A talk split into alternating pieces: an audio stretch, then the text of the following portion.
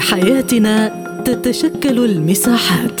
نظل داخلها على اختلاف الثقافات. ولكن في مساحتنا تتحد الغايات. لأننا نغوص في أعماق المجتمعات. فإذا كان لديك وجهة نظر حرة فاهلا بك في مساحة حرة.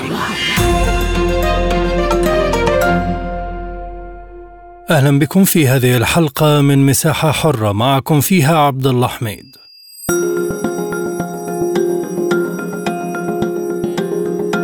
إثر الأحداث مع المهاجرين على الحدود التونسية طالبت منظمة هيومن رايتس ووتش وقف الدعم الذي تقدمه دول الاتحاد الأوروبي إلى تونس متهمة السلطات هناك بأنها مسؤولة عما وصفته بالعنف والانتهاكات الخطيرة التي تعرض لها المهاجرون واللاجئون وطالبو اللجوء الأفارقة. وقالت المنظمة إن لديها أكثر من عشرين شهادة من ضحايا الانتهاكات على يد السلطات التونسية وأوضحت أن الانتهاكات التي تم توثيقها تضمنت الضرب واستخدام القوة المفرطة والتعذيب في بعض الحالات والاعتقال التعسفي والطرد الجماعي.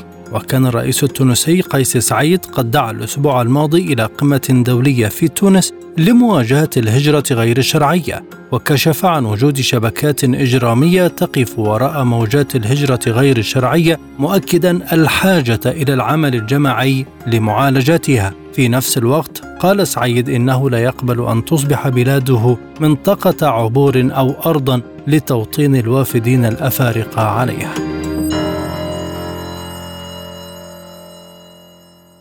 في هذا الملف ينضم إلينا من واشنطن المتحدث باسم هيومن رايتس ووتش في الشرق الأوسط وشمال أفريقيا السيد أحمد بن شمسي. أهلا بك سيد أحمد. بداية لماذا اعتبرت منظمة هيومن رايتس ووتش أن السلطات التونسية انتهكت حقوق المهاجرين. لأن السلطات التونسية يعني ضربت المهاجرين وصعقت بعضهم بالكهرباء عذبت بعضهم صادروا أموالهم ممتلكاتهم تركوهم في الصحراء دون طعام أو ماء. رغم وجود نساء حوامل بينهم سرقوا هواتفهم يعني كسروا هواتفهم رغم أن البعض استطاع إخفاءها وبعد تسجيلات لنا لدينا لكي نتأكد من أن هناك مصابين. أكثر من ذلك بعض المهاجرين الذين كانوا في البحر قالوا لنا أن رجال الأمن تركوا قاربهم بدون محرك في وسط البحر وقلبوا القارب وأهانوا الناجين بالبصق عليهم يعني وهناك المزيد فإن لم يكن كل هذا انتهاكات ما يمكننا أن نسميه. تونس قالت إنها لم تتعرض للمهاجرين بالطريقة التي يتم تداولها في الإعلام. فما دلالة ذلك؟ دلالة ذلك هي عملنا الاستقصائي الذي بموجبه قابلنا 24 شخصا منهم 12 مهاجرا وأربعة طالبي لجوء ولاجئ واحد من السنغال ومالي وساحل العاج وسيرا ليون وغينيا والكاميرون والسودان. وكذلك حللنا مقاطع فيديو بعثها بعثها إلينا بعض هؤلاء الأشخاص. ويعني رأينا أن ما يظهر في الفيديو يتقاطع مع روايتهم التي للإشارة تتقاطع مع بعضها البعض وهذه طريقة التحقيق العلمي. وكذلك قابلنا أربعة ممثلين من منظمة تونسية من المجتمع المدني الذين قدموا مساعدة مباشرة على الميدان لهؤلاء الأشخاص الذين كانوا ضحايا انتهاكات قوى الامن وشهادة هؤلاء الأعضاء من المجتمع المدني. كذلك أكدت الشهادات التي توصلنا إليها من كل الأشخاص الذين قابلناهم. فيعني بعد كل هذا تأتي الحكومة وتقول بطريقة فضفاضة وإجمالية تقارير خاطئة. اسمح لي اذا ما هو الصواب؟ هم الذي يجب أن يعطوا دلالات على روايتهم أما دلالتنا نحن؟ فمتوفرة وموجودة على الإنترنت.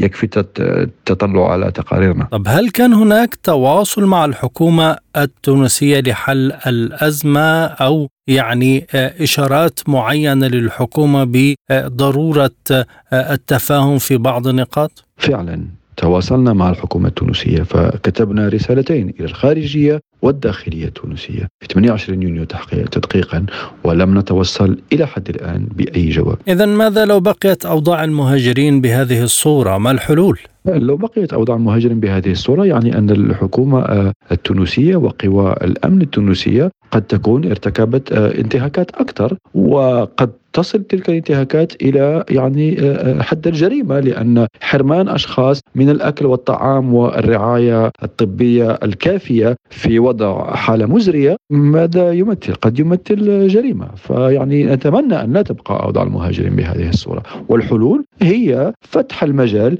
للمنظمات الاغاثه الإنسانية سواء التونسية بالاضافه إلى الهلال الأحمر التونسي.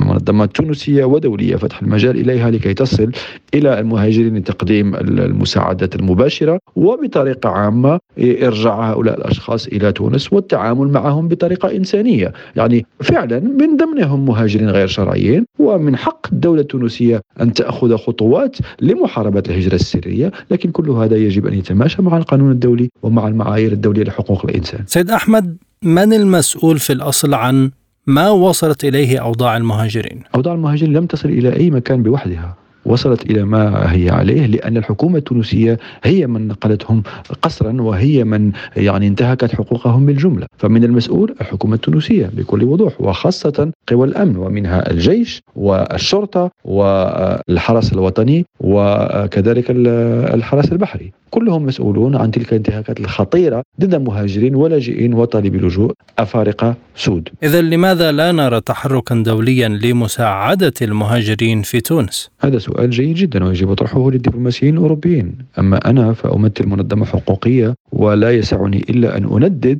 باولا الانتهاكات التي تقوم بها الحكومة التونسية وثانيا عدم آه، أو الرد الكافي آه، من طرف حلفاء تونس لا سيما آه، في الغرب. فمثلا الاتحاد الأوروبي أبرم اتفاقا مع تونس بمقداره مليار يورو ومنه 100 مليون مخصصة لمحاربة الهجرة السرية ونحن نطالب بوقف هذه الإمدادات حتى تكون هناك ضمانات حقيقية بأن التعامل مع الهجرة السرية هو سيكون تعامل مع أشخاص ولذلك يجب أن يكون تعاملا انسانيا يتوافق مع المعايير الدولية لحقوق الإنسان. شكرا جزيلا لك السيد أحمد بن شمسي المتحدث باسم هيومن رايتس ووتش في الشرق الأوسط وشمال أفريقيا، كنت معنا من واشنطن.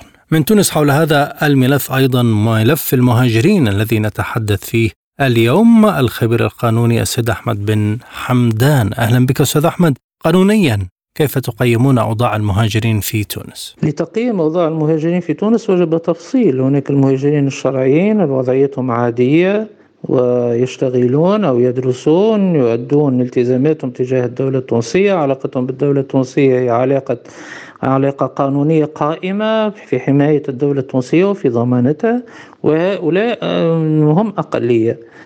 في هذه الساعة لأنه تعدادهم كبير لكن بوجود هذا المد الخرافي من المهاجرين غير الشرعيين الموجودين في البلاد التونسية دون أي وثائق دون أي وثائق هوية دون أي بطاقات تعريف أو جوازات سفر دون أي علاقة بينهم وبين السفارة التونسية أو بينهم وبين سفارة دولهم بل وينكرون انتماءاتهم لدولهم حتى لا يتسنى تهجيرهم.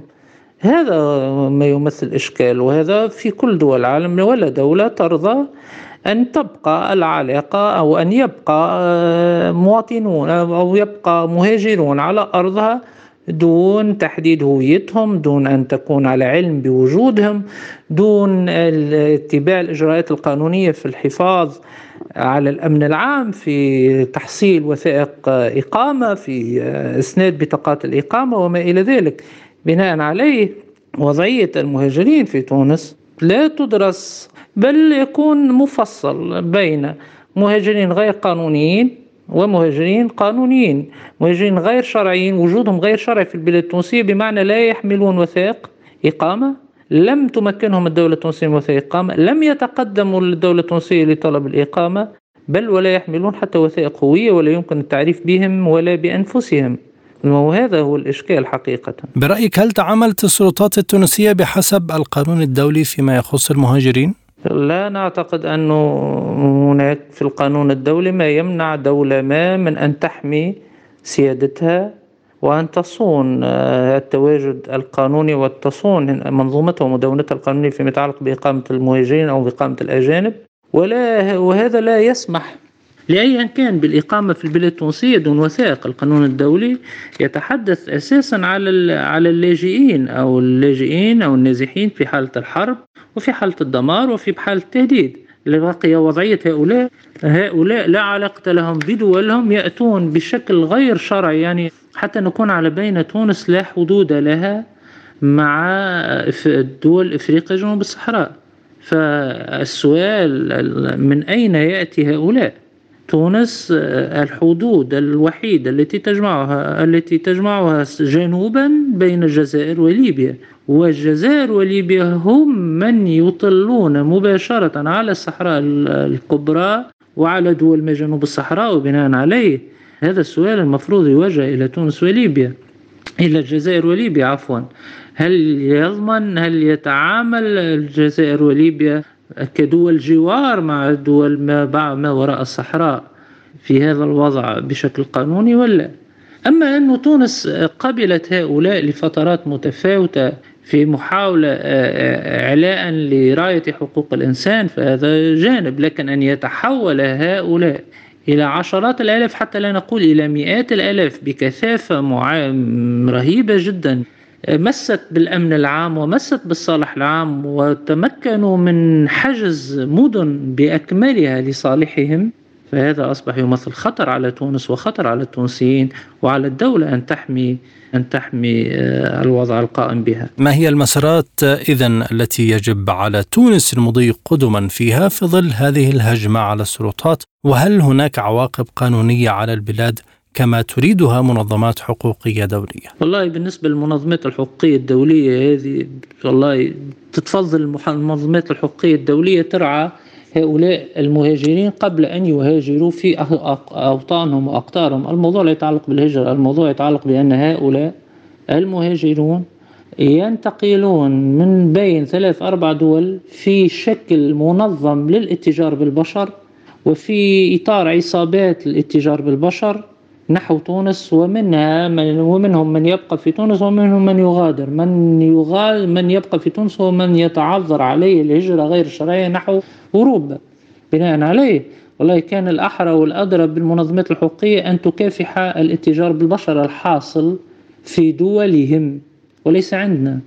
التجار البشر وتجار الرقيق الحديثين تجار الرقيق القرن الواحد والعشرين هؤلاء هم من وجب على المنظمات الحقوقية أن تدينهم وأن تتحدث عنهم.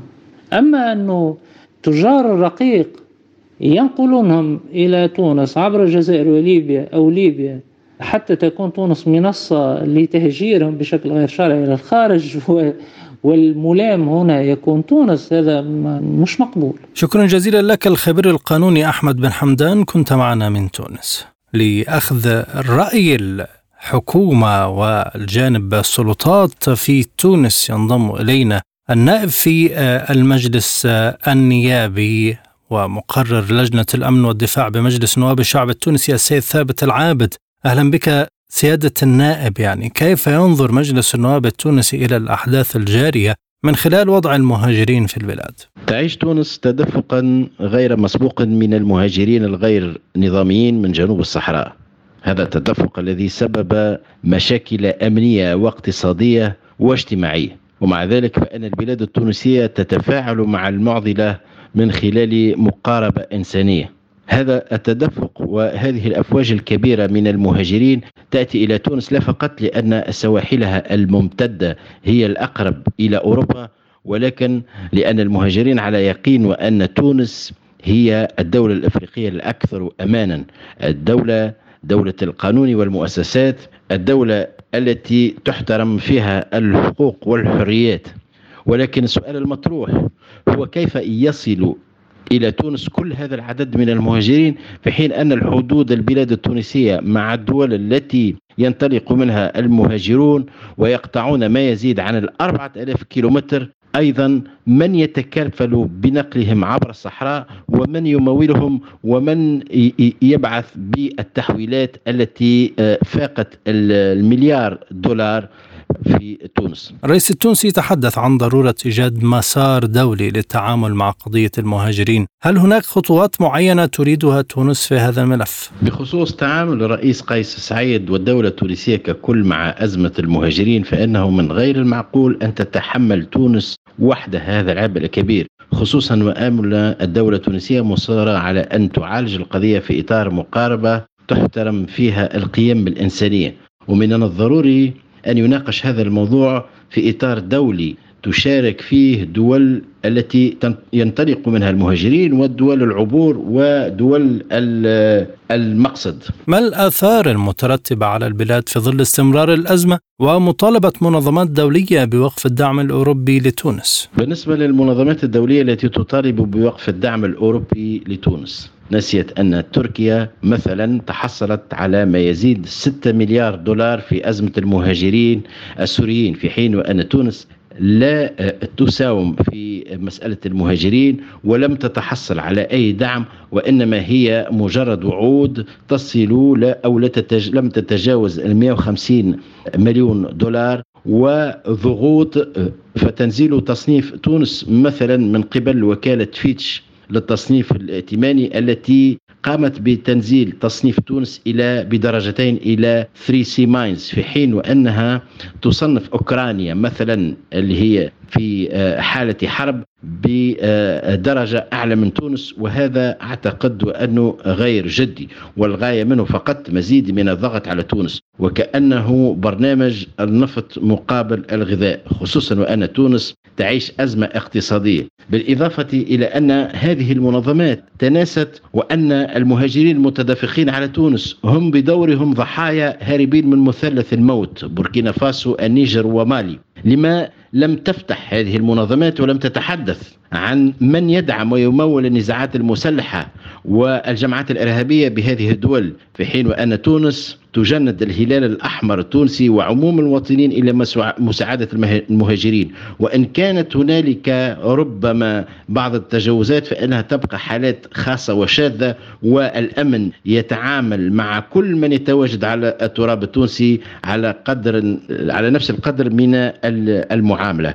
والحقيقة وأنه عديد القضايا وهنالك عديد نقاط الاستفهام حول هذه المنظمات التي آه، تكيف مواقفها على حسب ما تفرضه الجهات الممولة لها. شكرا جزيلا لك السيد ثابت العابد نائب ومقرر لجنة الأمن والدفاع بمجلس نواب الشعب التونسي. في الشق السياسي أيضا ينضم إلينا الباحث السياسي بالحسن اليحيوي أهلا بك سيد بالحسن هل توجد آثار سياسية على تونس من الوضع الحالي للمهاجرين؟ آه، بالنسبة إلى يعني الآثار السياسية على تونس إذا كنا نتحدث على المستوى الداخلي على مستوى الصراع بين أجهزة الحكم وبين المعارضة نعم هناك بعض الأصوات طبعا التي تريد دائما أن توظف كل المشاكل التي يمكن أن تتعرض إليها تونس وواحدة من أهم المشاكل التي تقف أمام الحكومة التونسية حاليا هي كيفية التعامل مع أمواج المهاجرين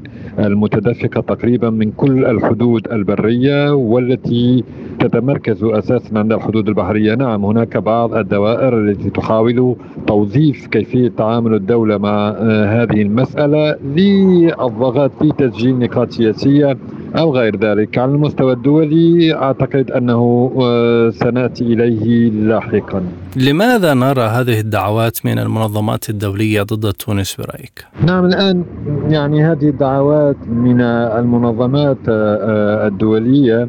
هو يجب أن نفهم أن تونس قطعت شوطا طويلا في العشر سنوات الأخيرة ضمن مشروع أو ما يعبر عليه بالأوبن جوف حيث أن المنظمات أو الجمعيات هي رديفة للدولة أو رديفة للحكومة وفي أحيان كثيرة هي أقوى وأقدر من أجهزة الحكم أو من الأجهزة الرسمية على على على توصيف المشاكل وإيجاد الحلول وكشف الكثير يعني من من من الأشياء. وبالتالي آه، قلت أن تونس قطعت شوطا كبيرا في هذا الاتجاه وأصبحت بالفعل هناك الكثير من منظمات المجتمع المدني وهناك الكثير من الجمعيات التي لها وزن والتي آه، تحظى بمتابعة آه، عدد كبير من الشعب وتصنع الرأي العام وهو أهم شيء. عندما نقول تصنع الرأي العام فهي تحدد النمط والخط السياسي أيضا بل بإمكانها أيضا أن أن تقدم أشخاصا وأن تخفض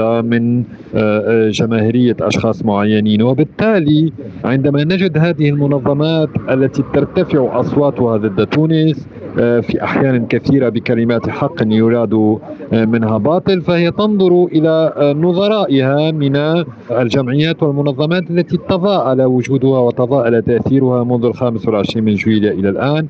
إذا هي المعركة بين فكرة أو بين مشروع الأوبن جوف وبين السلطة المركزية أو المشروع الذي يحمله الرئيس قيس سعيد الذي هو في عمقه وفي أساسه يسعى إلى إيجاد سلطة هذه السلطة الصلبة وثابتة لفترة طويلة بحيث بإمكانها إنجاز بعض المشاريع ووضع بعض التصورات والأفكار وتنزيل هذه التصورات والأفكار على الواقع وهو الأمر الذي لم يكن متاحا في ظل النظام السياسي السابق يعني نظام الشبه برلماني أو الشبه رئاسي. طيب هل تستجيب الحكومات الأوروبية لمطالب منظمات دولية بوقف الدعم للبلاد أه، بالنسبة إلى الاتحاد الأوروبي وفي الحقيقة يعني هناك أكثر من موقف وأكثر من رأي من أه، دول الاتحاد الأوروبي في كيفية التعامل مع ظاهرة الهجرة الغير نظامية أو مع ظاهرة تدفق المهاجرين سواء من السواحل التونسية أو من غيرها من السواحل الجنوب أه، المتوسط هل تستجيب؟ طبعا ويجب أن ندرك أن الكثير من هذه المنظمات هي أساسا تتحرك بايعاز أو تتحرك برسم وبتخطيط من جملة من المؤسسات والمؤسسات الاساسا الأوروبية. وبالتالي هذا التأثير المتبادل هو عملية طبعا ممارسة ضغط على الدولة التونسية وتقديم يعني حتى دول الاتحاد الأوروبي في مواجهة ما تطلبه تونس أو ما تريده تونس منها يمكن أن تتحجج بهذه الأصوات التي ترفعها هذه المنظمات وتبين نفسها على أساس أنها أيضا وبدورها تخضع لضغوط ولا يمكنها آه، تحديد أو لا تملك قرارها بصورة 100% وهو أمر يساهم في المقدرة على المفاوضة والمقدره على المراوغة أيضا. في كل ما يتعلق خاصة بالاتفاهامات التي يمكن أن تحدث بين الطرفين يعني بين الاتحاد الأوروبي وبين تونس. لأن الاتحاد الأوروبي له رؤيته الخاصة وتونس لديها رؤية خاصة وهذه الرؤية مختلفة تماما عما كان معمول به طيلة كل السنوات الفارطة وبالتالي آه، يعني تواجه تواجه أولا يعني صدا آه، أوروبيا وانزعاجا كبير في المستوى الأوروبي لأنه عادة ما كانت تونس منفذة فقط لسياسات الاتحاد الأوروبي سواء تعلقت بالهجرة الغير نظامية أو غيرها من من المسائل. ما هي الأطر التي يمكن للحكومة التونسية السير فيها؟ لمنع ظاهرة الهجرة. نعم بالنسبة إلى تونس طبعا المقاربة الأمنية الصرفة آه، غير كافية وغير مجدية في مواجهة الهجرة آه، الغير نظامية وبالتالي آه، هنا تتقاطع وتتوافق مع مجموعة من الدول الأوروبية لأنه كما أشرنا ليس هناك تصور موحد بين الدول الأوروبية فيما يتعلق بمقاومة الهجرة الغير شرعية. بالنسبة إلى تونس الأطر أو الشروط الأساسية كما تبين من خلال مذكرة التفاهم هو أنه تونس لا يمكن أن تلعب دور شرطي الحدود أو حارس للحدود الأوروبية والثاني هو أنها ليست أرضا لتوطين آه، المهاجرين سواء أولئك القادمين من جنوب الصحراء أو أولئك التي الذين يتم إعادتهم من الدول الأوروبية آه، نحو السواحل الجنوبية للبحر الأبيض المتوسط. هذين الشرطين الأساسيين يقوضان الرؤية الأوروبية التقليدية لمشروع مواجهة الهجرة الغير نظامية ولكل ما تم الأعداد له منذ سنوات عديدة منذ سنتي 2008 في اتفاقية مع تونس وأيضا تعززت في 2018 وبمقتضاها كانت تونس ستلعب هذا الدور أساسا. وبالتالي في ظل هذين الشرطين هو تحديد لهذه الأطر التي ترى آه، التي أو هذا التصور الذي تحمله تونس في مواجهة الهجرة الغير نظامية حيث ترى ضرورة إحداث تنمية حقيقية في المنطقة. وعندما نتحدث عن المنطقة نتحدث عن شمال إفريقيا والمغرب العربي ولكن أيضا دول الساحل والصحراء. أحداث تنمية حقيقية في هذه المنطقة. يمكن أن يمثل مانعا لعمليات الهجرة غير النظامية ومعطلا لمخططات العصابات الاتجار بالبشر التي تزين وتصور يعني عملية الهجرة نحو أوروبا على أساس أنها واحدة من الحلول الأساسية بالنسبة إلى شعوب المنطقة. آه، تنمية حقيقية وتحويل هذه البلدان إلى آه، قوة جذب ل آه، يعني لأمواج أو للمهاجرين أو من يرغبون في في في الهجرة يعني في بلدانهم. ولا يكون طبعا الاتجاه فقط نحو الاتحاد الأوروبي. أيضا دائما ما يقع تغييب العنصر الثالث والأهم والأخطر في آه، في عملية الهجرة الغير نظاميه يعني بلد الانطلاق ثم بلد ال ال ال الاستقرار. وما بينهما هناك هذه العصابات الدولية وهذه العصابات الدولية تقف وراءها أجهزة وعندما نقول أجهزة نتحدث عن دول وبالتالي هي يمكن أن تضاهي أو أن تتجاوز آه، قدرة آه، الدول في حد ذاتها في آه، يعني يعني يعني في في في في التعامل مع هذه الظاهرة. هذا طرف يقع دائما تغييبه ولا يقع الحديث يعني عنه ولا يقع الحديث عن سبل مواجهة هذا هذا الطرف لأنه ثمة فرق بين بين التعامل مع المهاجرين أنفسهم والتعامل مع هذه العصابات الدولية التي تتاجر بالبشر والتي تقوم برسم خطوط الهجرة الغير نظامية وحدود الهجرة الغير نظامية ونقاط آه، آه، يعني استراحه وتجمع المهاجرين الغير نظاميين. اذا تونس تضع هذا الطرف الثالث تسلط الضوء على هذا الطرف الثالث. وتملك كما تحدثنا منذ قليل عن تصور مختلف بعض الشيء عن التصور التقليدي لأوروبا في مواجهة الهجرة الغير نظامية أخيرا هل وضع المهاجرين في المنطقة الأفريقية بالذات سيجعل المجتمع الدولي يذهب إلى إيجاد حلول؟ ليس بإمكان المجتمع الدولي إلا أن يتعامل مع هذه المسألة آه، آه، يعني مسألة المهاجرين الأفارقة كما تعامل مع آه، مسألة الهجرة في مناطق أخرى. علينا أن نعود سنوات قليلة إلى الوراء. ونرى كيف أن المجتمع الدولي وفر لتركيا 6 مليار دولار لمقاومة النزوح ومقاومة الهجرة خاصة أمواج السوريين والأفغان الذين كانوا يتخذون من الخدود الترابية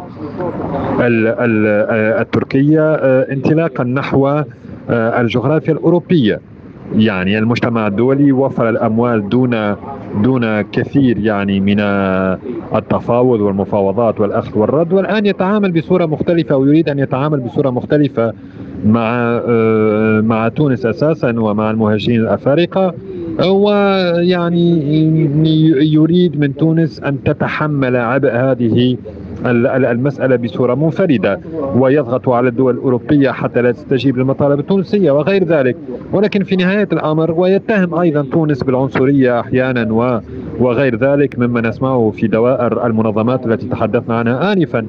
وبالتالي في نهاية الأمر ومع صلب الموقف التونسي لن يكون أمام المجتمع الدولي إلا أن يتعامل بصورة إيجابية مع هذه المسألة. بل وفي نهاية الأمر أن يخضع لجملة من الشروط أو طلبات خاصة الدولة التونسية فيما يتعلق بالتعامل مع آه، الهجرة النظامية.